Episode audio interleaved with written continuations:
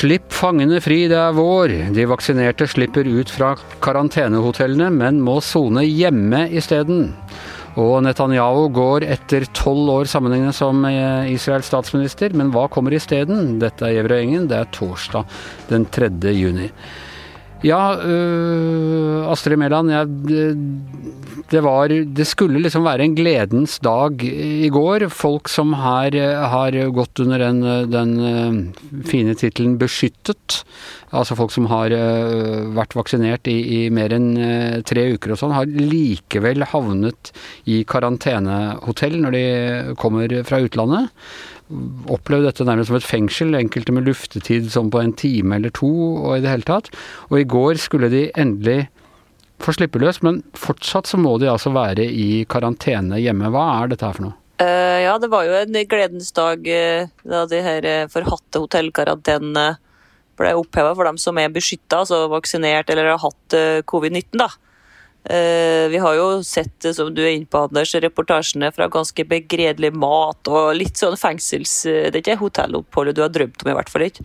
Dyrt er det òg. Eller du må i hvert fall betale 500 kroner per natt. Eh, så det endelig oppheva, det er jo noe som vi har eh, masa på regjeringa om lenge på hver eneste pressekonferanse de siste månedene, i takt med at folk har blitt mer og mer vaksinert, altså fullvaksinert. I det minste så har vi jo lurt på hvorfor i all verden skal de her folka sitte i karantene. Vi har jo en vaksine, eller flere vaksiner som er så supereffektive. Altså, vi har ikke, ikke i nærheten av f.eks. influensavaksinen, som er utrolig mye dårligere. Så de gir jo kjempebeskyttelse, og likevel så skal de altså på hotell. Og hva har da vært argumentet for det? Altså, de, de har selv laget dette begrepet 'beskyttet', eh, som altså omfatter både folk som da har vært syke i løpet av et halvt år, og som har kommet ut eh, til et visst stadium i, i vaksineringa. Jo, argumentet har vært eh, Erna Solberg har jo fått det spørsmålet mange ganger. Hun har sagt at vi trenger en løsning som vi kan stole på, en såkalt verifiserbar løsning. og Da snakka de om at de ikke stoler på dokumenter fra utlandet. Da. Det forstår vi jo, vi har jo hørt om det før, og at det har vært eh, ringer som har satt i gang eh, forfalskning av eh, tester osv. Så, videre. så det,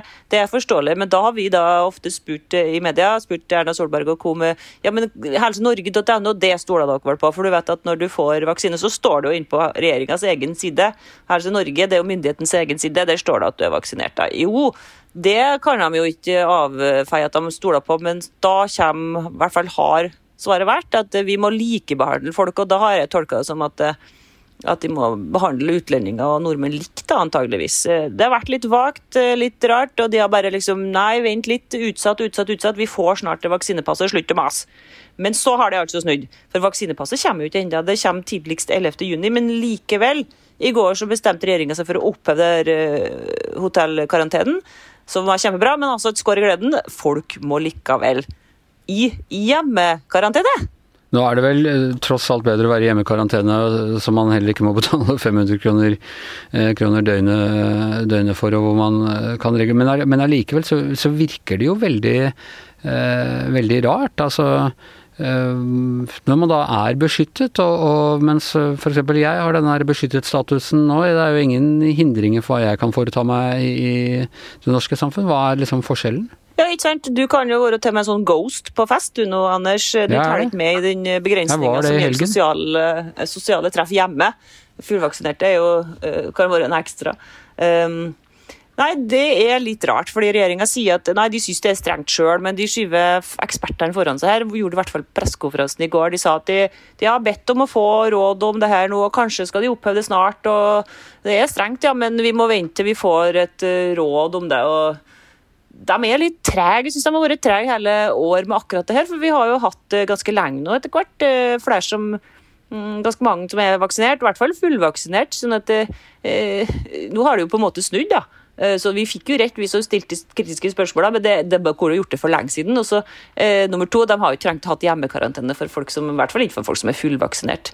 De har ikke noen gode begrunnelser. De virka overraskende når de får spørsmål. Gjorde de i hvert fall i går på pressekonferansen. Har ikke noen gode svar. Snakka om at er litt logistikk og det her må skje gradvis og osv. Men altså, det er jo slik at de her tiltakene er jo kjempestrenge. Vi glemmer jo av og til det.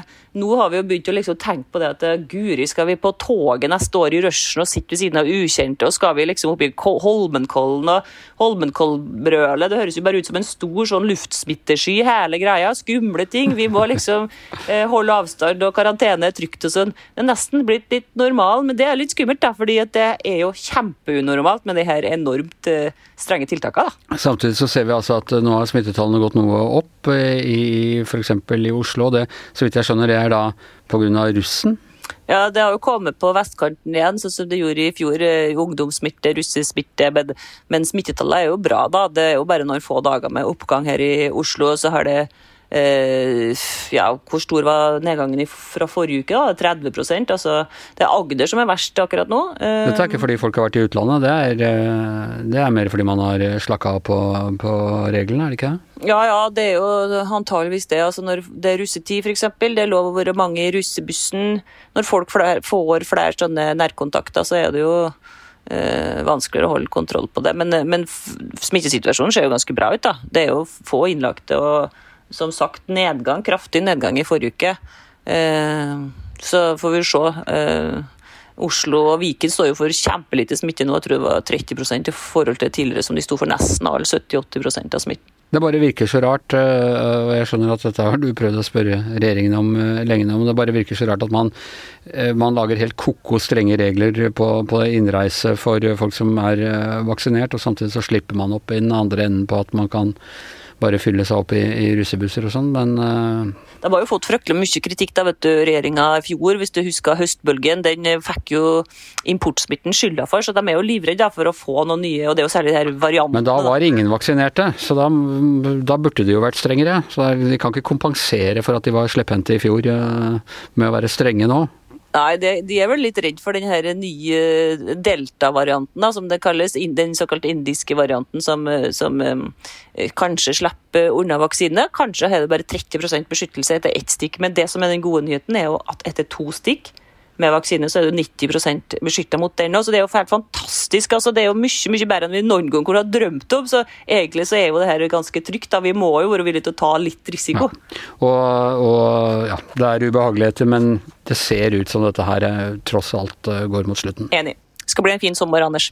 Det skal det. Det skal det. Eh, det går også mot slutten for Benjamin Netanyahu, Per Olav Ødegaard, altså Israels statsminister gjennom de tolv siste årene, og også en periode før det. En mann som har jeg holdt på å si en, en Einar Gerhardsen i, israelsk politikk. Eller altså en som virkelig har dominert israelsk politikk veldig lenge, og som da vi da han kom, så regnet vi ham som temmelig langt ute på høyresida, men nå er han altså skvisa ut av en fyr som skal være enda lenger til høyre enn han, ved hjelp av en andre sentrumspolitikere. Har jeg forstått dette riktig? Ja, det, det, har du. og det er jo veld, Israelsk politikk er komplisert og sammensatt og veldig sånn fragmentert. Um, og det um, som vi ser nå, er at du har en koalisjon av åtte partier da, som uh, egentlig bare har én ting felles, og det er at de vil bli eh, kvitt Netanyahu som statsminister.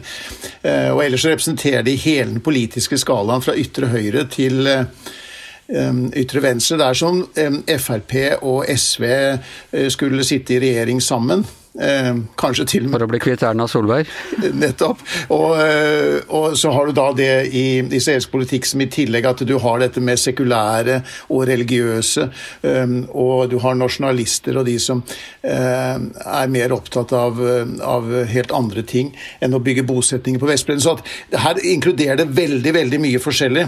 Men de har i hvert fall kommet fram til en erklæring om at de ønsker å danne regjering, og så skal, da opp, skal dette da opp til avstemning i Knesset. Disse åtte partiene de har, de har 61 mandater av 120 i Knesset nasjonalforsamling. Så én, stemmes overvekt så, der, så hvis én altså. hopper av der på partilinjen, så eh, Og det er jo det nå Netanyahu forsøker å appellere til Eh, representanter for høyresiden om at de må ikke gi seg ut på et sånt farlig radikalt eh, eksperiment, som man kaller det. Du, bare først ta litt om Netanyahu. altså En, en ruvende statsmann i israelsk historie, og, og for så vidt da også i, i verdenshistorien.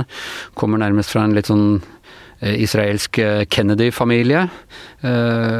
og, og Uh, ting har Altså, forholdene i, um, mellom israelere og palestinere har ikke blitt bedre i hans tid. Hvordan vil han bli husket, tror du?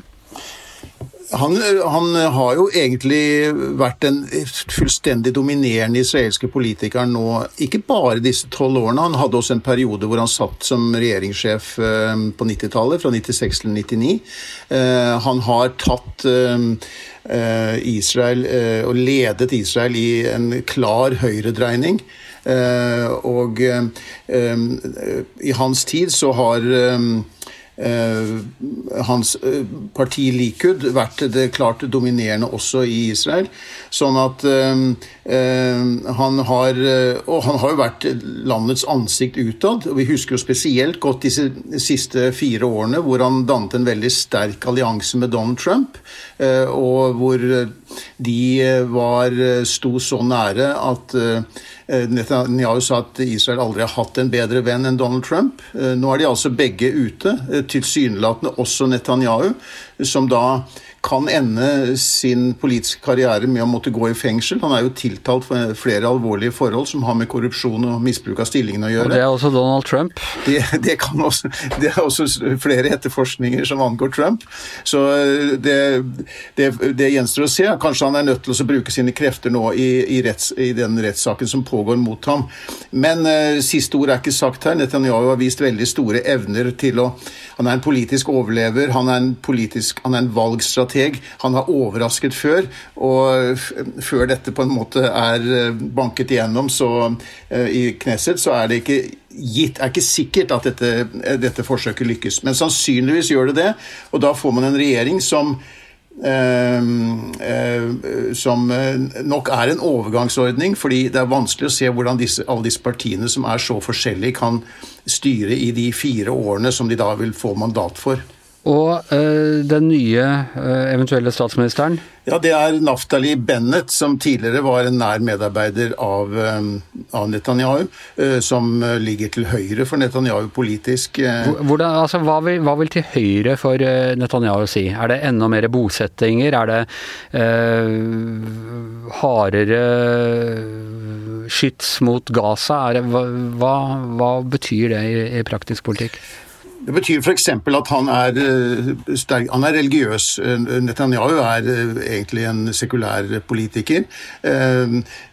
Bennett har mye av sitt syn på ut fra religiøse standpunkter, men i, i, politikken så står han da for at de skal utvide bosetningen på Vestbredden, og egentlig ønsker han å annektere store deler av Vestbredden. Ehm, så, eh, og I økonomisk politikk så er det, ikke, er det, nok ikke så stor forskjell på han og Netanyahu. Men det er først og fremst dette at han har en mer offensiv linje, da, for å si det sånn, overfor uh, å, å, å, å, utvide Israels grenser. Men når, når venstresiden er, er, med på å, støtte han der, hva hva er det de finner mer attraktivt hos han enn hos Netanyahu? Ja, Det er jo på en måte litt paradoks at det er Bennett da, som eh, blir leder, eller som blir, skal være statsminister. og Det skal da være de to første årene uh, av denne planlagte regjeringen. Og så skal uh, Yair Lapid, som er da en um, sentrumspolitiker, sekulær sentrumspolitiker, skal overta da etter to år. Um, ben, det vil være naturlig at Lapid tok, ble statsminister. Han representerer det nest største partiet i Knesset. Altså etter eh, Netanyahus Likud-parti, så er det så er det mm, Lapids uh, Yeshatid som er det nest største partiet. og sånn sett så er det han som er arkitekten bak denne. Det er han som har overtalt alle de andre partilederne til å bli med på en sånn anti-Netanyahu-koalisjon. Så det ville jo være naturlig, Men han valgte da å tre til side for å få Bennett med. så han, Bennett skal sitte først som statsminister. Så skal Lapid sitte som utenriksminister disse to årene. Ehm, og en gammel kjenning, Benny Gantz, som da ledet eh, de, den blå-hvite alliansen, eh, han skal fortsette som forsvarsminister. Men med på dette laget er også Labour, som får, altså Arbeiderpartiet, som får noen, noen poster i regjeringen, og også Meret, som ligger enda lenger til venstre. Og Er det bare fordi de er mot Netanyahu da, at de har blitt med? De, er, de eh, selger sjela si til, til den du vet, for å, for å bli kvitt Netanyahu? De vil, de vil det. Det er, det er en fellesnevner for dem alle. Også I tillegg så har de jo i disse forhandlingene blitt enige om at alle disse sakene som er vanskelige, de skal på en måte feies nå under teppet og legges til side. Og så skal de ha en agenda hvor de skal eh, jobbe først og fremst med økonomisk politikk, med sosialpolitikk. politikk. og, eh, og, og kan, vi kan ikke se for oss at det kommer noen som helst initiativ for å løse den israelsk-palestinske konflikten, f.eks. Men kanskje heller ikke de store De må nok heller også kanskje De på den mest nasjonalistiske siden her må nok også fravike litt av disse kravene om annektering og, stå, og liksom å bygge ut veldig. Fordi det er ikke flere, ønsker, flere, Da vil gjerne regjeringen også sprekke. Men det andre poenget som er litt spesielt denne gangen, Anders, er jo også det at det for første gang så har det en, en arabisk liste, en, en, et arabisk parti, som i tillegg bygger på islamist er en islamistisk bevegelse, konservativ, blitt med i, i denne regjeringsinngåelsen. Og om de ikke får ministerposter i regjeringen, så er de altså med i De har skrevet under på denne plattformen, og det er første gang. I det parlamentariske grunnlaget? Ja, de har jo da blitt enige om eh, å skrive under på den regjeringserklæringen og støtte dette. Og de stemmene trenger de for å ha det flertallet i Knesset. Og det partiet, det partiet er også opptatt av å fremme interessene for arabiske borgere i Israel, altså først og fremst eh, økonomiske interesser og altså offentlige tjenester, og mm, at det skal være bedre for deres, eh, deres velgere, da. Men de, mener, de er altså islamister? De mener at det er Allahs lover som skal som egentlig skal gjelde?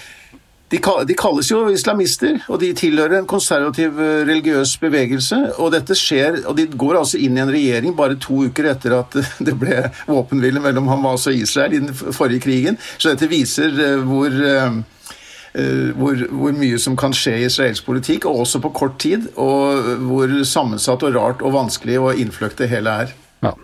Dette høres ikke ut som en veldig veldig bærekraftig eh, koalisjon, men, men hvis den viser seg å være det, da er det håp eh, for menneskeheten. Gjever og gjengen er over for i dag. I hvert sitt hjemmestudio Astrid Mæland og Per Olav Ødegaard. Jeg heter Anders Gjever. Vaktsjefen vår er Kristina Kinne, og mannen som holder denne skjøre podkoalisjonen sammen, er vår produsent Magne Antonsen.